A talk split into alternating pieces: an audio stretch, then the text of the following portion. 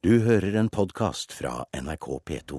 Tidligere LO-leder vil fortelle det hun mener er den sanne historien om det rød-grønne prosjektet i sin nye bok. Gerd Liv Valla er én av syv politikere som kommer med bok i høst. Seks av dem kommer fra personer i og rundt den rød-grønne regjeringen. Kristelig Folkepartis leder Dagfinn Høybråten er den eneste representanten på høyresiden som vil dele sin historie i høst. Jeg håper at det kan inspirere unge mennesker til å engasjere seg politisk. Jeg håper også at det kan øke forståelsen for og av det å være folkevalgt. Fordi det bildet som eh, flimrer forbi i eh, massemedia, det er ikke det hele og fulle bildet. Tidligere KrF-leder og statsråd Dagfinn Høybråten har ett år igjen på Stortinget før han gir seg i politikken. Han håper boken 'Drivkraft' skal gi nettopp det til nye generasjoner. Men han må kjempe om oppmerksomheten sammen med et sterkt rød-grønt lag. Knut Storberget, Åslaug Haga, Olav Gunnar Ballo, Sylvia Brustad og Gerdli Valla. Tidligere SV-leder Kristin Halvorsen sitter fortsatt i regjering og kommer også med bok. Hun håper alle de rød-grønne bøkene skal gi inspirasjon frem mot valget. Det skal du tolke som et kamprop for ny valgseier i 2013. Det vil være veldig mange eh, historier om, om uh, hvordan vi har samarbeida, som jeg tror at velgere, og kanskje særlig rød-grønne velgere, vil synes er spennende og, og interessant. Tidligere LO-leder og justisminister Gerd Liv Valla på sin side varsler at det nok ikke bare blir festtaler fra regjeringskorridorene i hennes memoarer. Jeg har nok opplevd at deler av den historieskrivninga, kanskje særlig om det rød-grønne prosjektet, uh, har vært en del omskrivninger på. Og jeg har lyst til å gi mitt bidrag. Hva skjedde egentlig? Og hun utdyper. Eh, jeg tror det er behov for, å, for åpenhet og ærlighet. Dagfinn Høybråten skal ta det ansvaret det er å representere høyresiden helt alene i bokhyllene denne høsten. Men han ser ingen grunn til å gi sine politiske venner noen reprimande for ikke å være til stede. Jeg tror det kan være tilfeldigheter. Det er jo ikke slik at det ikke har vært eh, folk fra, fra ikke-sosialistisk side som har skrevet bøker tidligere, men, eh, men i høst uh, ser jeg ut til å trone rimelig alene. Så langt jeg vet i hvert fall. Det er eh, viktig at uh, historien fortelles også fra den kanten. Og dette er fra min kant. Halvorsen og Valla er i hvert fall enige om at det kan være en god grunn til at det er en beskjeden borgerlig representasjon. De har vel kanskje ikke like mye å fortelle om. Det er forhåpentligvis fordi de ligger litt nede. Eller kanskje fordi de ønsker å sitte stille i båten. Det er bare to av høstens politiske bøker som ikke blir gitt ut på Norges største forlag, Cappelen Dam.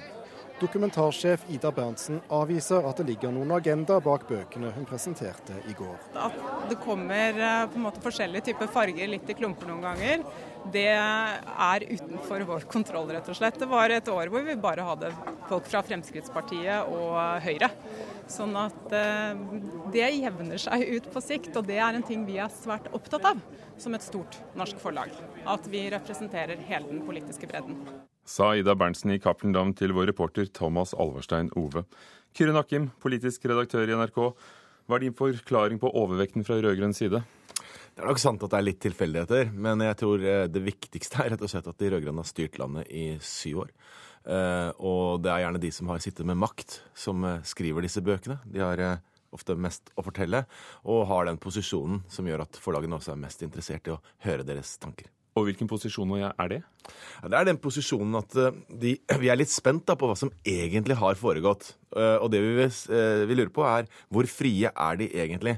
Og regelen er jo, jo mye mer de har fristilt seg fra regjeringen, jo mer forteller de også. Og vi eh, venter vel kanskje mer at, at Gerd Liv Valla skal smelle til enn at Kristin Halvorsen gjør det. Kristin Halvorsen sitter jo fortsatt i regjering, fortsatt del av det rød-grønne prosjektet. Og jeg tror ikke hun vil være så streng med Jens Stoltenberg og de andre kollegene sine som, som Gerd Liv Valla vil gjøre, som har mye å fortelle om, etter at hun jo blei presset ut av det gode selskap. Og Erik Solheim måtte forlate regjeringen. Storberget sitter ikke lenger i regjeringen. Ballo skiftet parti. Er det revansjen som kommer mellom to permer? For noen av de kan det være det. Eh, ofte de bøkene som også blir mest spenning og mest eh, oppmerksomhet rundt, er de som hvor man har eh, totalt fristilt seg. Eh, og det er en måte for å slå tilbake. Altså, man skriver jo veldig ofte biografier fordi man har lyst til å justere på det bildet som er gitt. Eh, det handler om ettermælet til politikerne, og det er politikerne svært opptatt av. Og de vil justere både historikere og det bildet som pressen har gitt, og som, som eh, ofte politiske motstandere har gitt. Og da er biografien den muligheten man har. Men tenker du da som politisk redaktør at de kommer med ny vesentlig informasjon, eller, eller at de nettopp uh, forkludrer historien?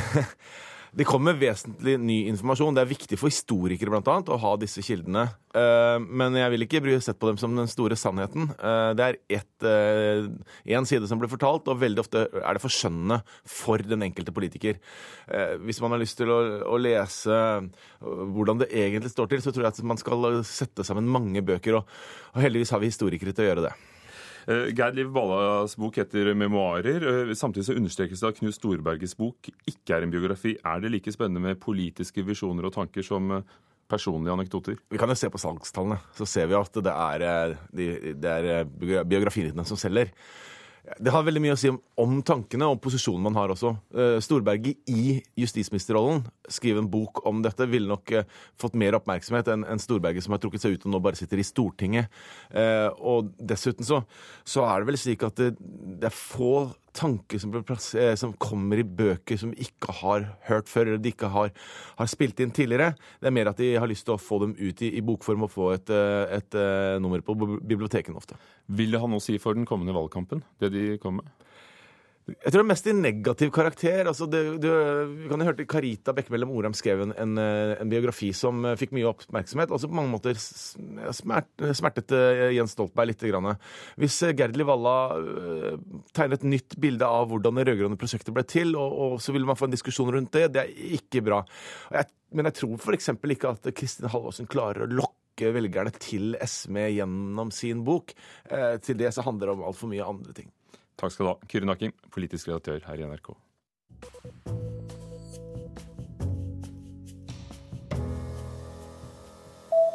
I 42 uker har private feriebilder, opplysninger om feriemål og annen privat informasjon om kongefamilien vært tilgjengelig for alle på det sosiale nettstedet Instagram. Ifølge VG er det kronprinsesse Mette-Marits 15 år gamle sønn som har delt bildene og informasjonen på nettsamfunnet. Professor i ledelse Petter Gottschalk ved Handelshøyskolen BI mener det er en sikkerhetsskandale at dette er skjedd, men sier at det ikke er politiets ansvar. I utgangspunktet er bruk av teknologi blant barn og unge et foreldreansvar. Eh, men siden dette er eh, et medlem av kongefamilien, så er det større ansvar enn som så. Først og fremst Slottets ansvar, og i mindre grad politiets ansvar. Petter Gottschalk ved BI. Regjeringen vil skape flere norske stjerner i utlandet. En ny stortingsmelding neste år skal eh, etter regjeringens ønske i hvert fall gi økt eksport av kultur. Det er også et mål å bruke kulturen som en internasjonal brobygger og til å styrke demokrati og ytringsfrihet. I dag bruker eh, staten 18 millioner kroner på kultureksport. Regjeringen vil satse mer penger, men vil ha en plan for hvordan de skal bruke pengene. Det koster å kapre nye seere for TV-kanalene. TV 2, som i går la frem sitt høstprogram, har aldri brukt mer penger på å lage norske underholdningsprogrammer. Til sammen bruker de kommersielle TV-kanalene mer enn 620 millioner kroner på norske programmer denne høsten, skriver Dagens Næringsliv. Det må være kvalitet på programmene, ellers faller seerne raskt fra, sier Leif Holst Jensen, som er leder i Produsentforeningen til avisen.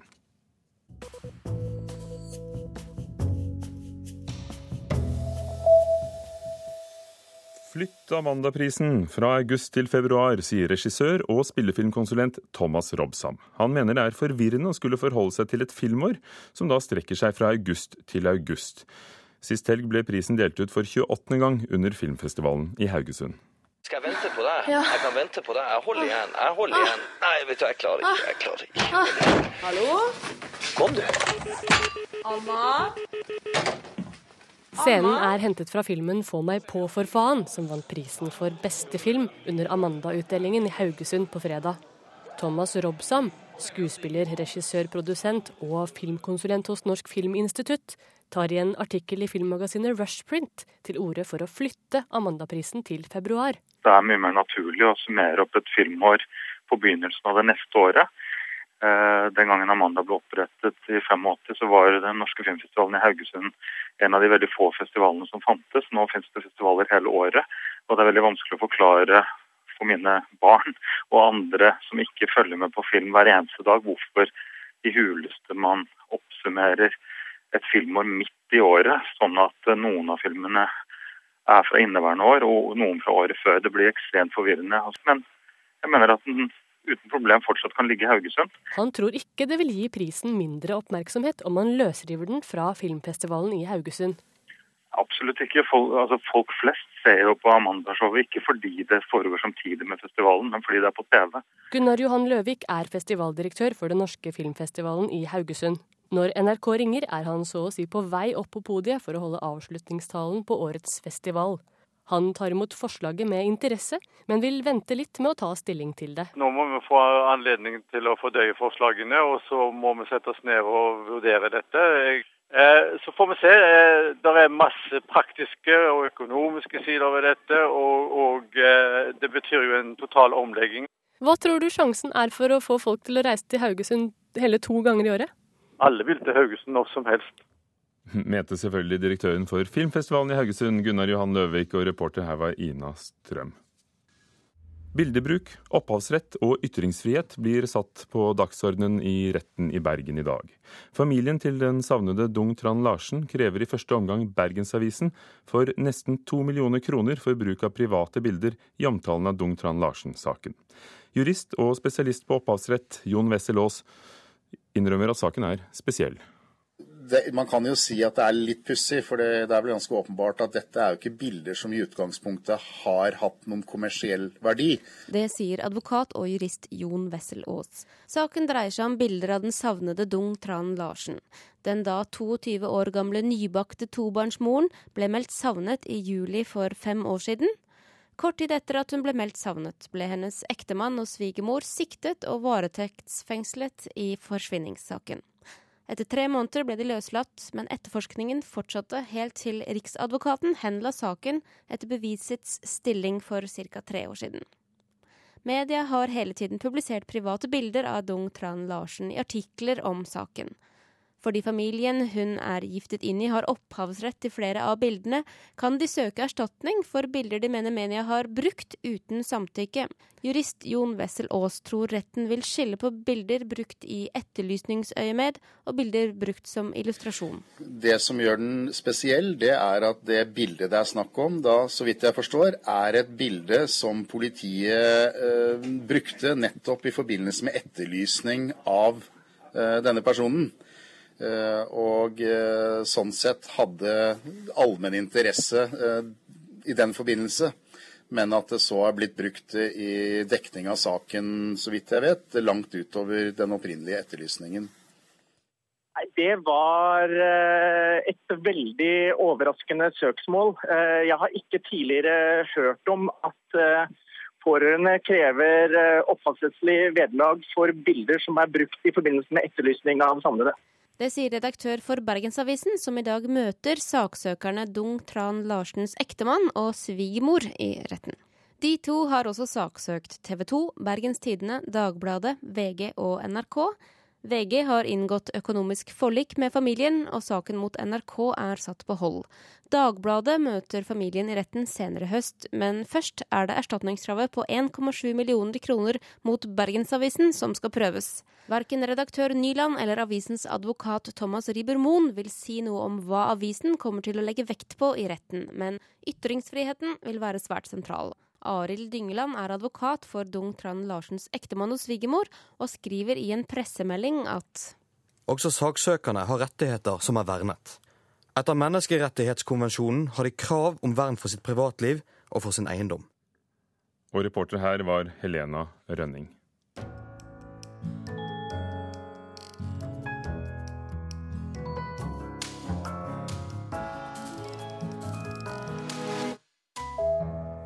Bokhøsten kommer i en urolig tid for bokbransjen, med snakk om boklov, kritikk av innkjøpsordningen og bokhandlenes markedsmakt, og hvor blir det av e-bøkene? Og Knut Hoem, litteraturkritiker i NRK, når du har sett på forlagenes høstlister, ser du symptomer på denne uroen? Ja, jeg syns egentlig det. Eh, jeg syns jeg ser at eh, det at bøker publiseres på nye måter, og at eh, det får konsekvenser. For så er det jo sånn at eh, en av de forfatterne som har eh, allerede brutt litt gjennom lydmuren, det er jo bloggeren Linnea Myhre. Som er kjent fra forskjellige steder. Blant annet har hun laget en serie på NRK P3 sine nettsider. Men hun har først og fremst en blogg og har bygget, bygget seg opp en fanskare på den måten. Og Hun gir ut sin første roman, og det er klart at når hun gjør det, så er jo det ikke minst pga. at hun har en leserskare allerede. Og dette er jo helt nytt, at du på en måte kan komme som blogger og, og, og på en måte eh, få berømmelse før boken er kommet, nesten på, på den bakgrunnen. Knut Hoem, er det noen overraskelser i år i, i denne bunken av kataloger du har strødd utover ved siden av deg? Ja, jeg syns at det er interessant at romanen nå tiltrekker seg kunstnere fra andre kunstsjangere. Altså Den verdenskjente kunstneren Bjarne Melgaard gir ut en roman som heter A New Novel. Han gir den av en eller annen grunn ut på engelsk også her i Norge. Eh, men også fotokunstneren Vibeke Tandberg kommer med en roman, og komponisten Eivind Buene, som riktignok har gitt ut en roman før, kommer med en roman som heter Allsang. Det forteller meg at enhver idé om at romanen er død, det kan du bare glemme. Den tiltrekker, den er mer interessant enn noensinne, også for eh, kunstnere fra andre kunstarter. Og så er det mange av de som vi er vant til å skrive romaner, som kommer med nye bøker. Ingvar Ambjørnsen, Vigdis Hjorts, Lars Saabye Christensen. Og så er det mange andre som du har merket deg. Hvem? Ja, jeg forholder meg til en bokhøst på den måten at jeg kjenner på meg hva, hvor er det forventningene mine ligger. Hva, når er det spørsmålet kommer opp hva gjør hun nå? Hva kommer nå? Og den som helt klart utpeker seg eh, for meg da, det er Per Petterson. Eh, de to forrige romanene hans mener jeg var helt i europeisk klasse. Altså Jeg tenker på 'Jeg forbanna tidens elv' og ikke minst 'Ut og stjele hester'. Det er fire år siden sist, og da er jo spørsmålet hva kommer nå? Og Det eneste jeg vet er at romanen heter 'Jeg nekter', og at den kommer snart. Men i tillegg så har du jo en forfatter som Henrik Langeland, som startet et stort prosjekt om å skrive Oslo-familienes Oslo historie. 'Hauk og due' heter den andre boken der. Eh, du har en forfatter som den unge novellisten Kjersti Kjersti Annesdatter Skomsvold, som skrev en bok som heter 'Jo fortere jeg går, jo mindre er jeg'. Og Den ble en sånn bok, internasjonal bokmessehit, eh, solgt til mange land, og hun kommer med sin første roman. Og Så kan jeg også nevne Øyvind Strømmen, som er altså han som eh, var på rett sted til rett tid og ga ut en bok som heter 'Mørke nettet', som handler om høyreradikalisme på nett. Nå kommer det en historie som heter Den sorte tråden, og nå begynner han å nøste tråden tilbake i fascismen, tilbake til 20-tallet. Og det også vekker forventningen til meg, hos meg hva kommer fra han nå. Hvem er eldst? Er det de gamle? Ja, jeg syns at det hele tiden er egentlig eh, Det er et problem for oss kritikere at vi ofte har en tendens til å se på de gamle, og, eh, for å se hva som finnes der. Men de gamle har jo ofte noe å fortelle, da. Og hvis du ser på memoarfronten, så kommer det jo nå en del veldig spennende memoarer. Salman Rushdie kommer med noe som han kaller for en selvbiografi. En mann som eh, Hans Fredrik Dahl, eh, eh, som har vært kulturredaktør i Dagbladet og professor i historie, og som har vært ute i mange historikerstrider og opplevd mye forskjellig. Han er nå ute med sine memoarer, som heter 'Fra Pax til paven'. Og det er interessant, syns jeg, for det, er noe med å se den norske kulturhistorien. Hva er den for noe? Og det er jo en del som har vært med i mange tiår, og som han sannsynligvis kan ha noe interessant å si om det. Og Kjetil Rekdal, fotballspilleren. Og Kjetil Rekdal, eh, som jo har hatt en eh, turbulent fotballkarriere. Og når vi så hvordan Zlatan sin selvbiografi gikk eh, i fjor, så er det jo Hvis det er en som er en norsk Zlatan, så må det jo være Rekdal. Hvordan står det til på krimfronten? Ja, Det er i hvert fall sånn at eh, Monica Christensen, altså polfareren, som har eh, gitt ut en del krimbøker, nå kommer med en dokumentarbok som skal ha krimvirkning, påstår forlaget. Hun skriver om Kings Bay-saken, altså den saken som Arbeiderpartiet ble felt på på 60-tallet, med Finn Gustavsen og det nye SF og alle disse her aktørene i bildet. Den skal ifølge reklame være spennende som en thriller. Det gjenstår å se, men det er, tenkte jeg, at det er interessant å se når en krimforfatter med polbakgrunn forsøker å nærme seg en av de store politiske hendelsene i norsk historie. Takk skal du ha, Knut Hoem, litteraturkritiker her i NRK.